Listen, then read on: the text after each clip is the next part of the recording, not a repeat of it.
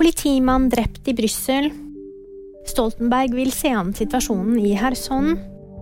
Og ny milliardsmell for Alex Jones. En politimann er drept i Brussel. Det kan være snakk om terrorangrep. En belgisk avis melder at to betjenter ble angrepet med kniv torsdag kveld. En av dem ble drept i angrepet, men skadeomfanget til den andre foreløpig er ukjent. Gjerningsmannen skal ha vært skutt.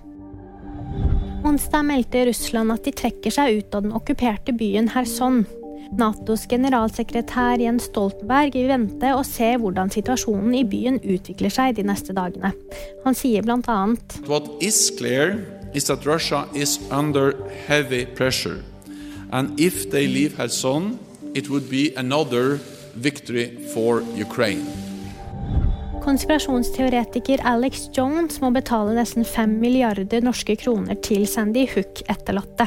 Dette kommer på toppen av 9 milliarder kroner han har blitt dømt til å betale tidligere for å ha kalt skoleskytingen i Sandy Hook falsk. Og VG-nyhetene de fikk du av meg, Britt Gahr.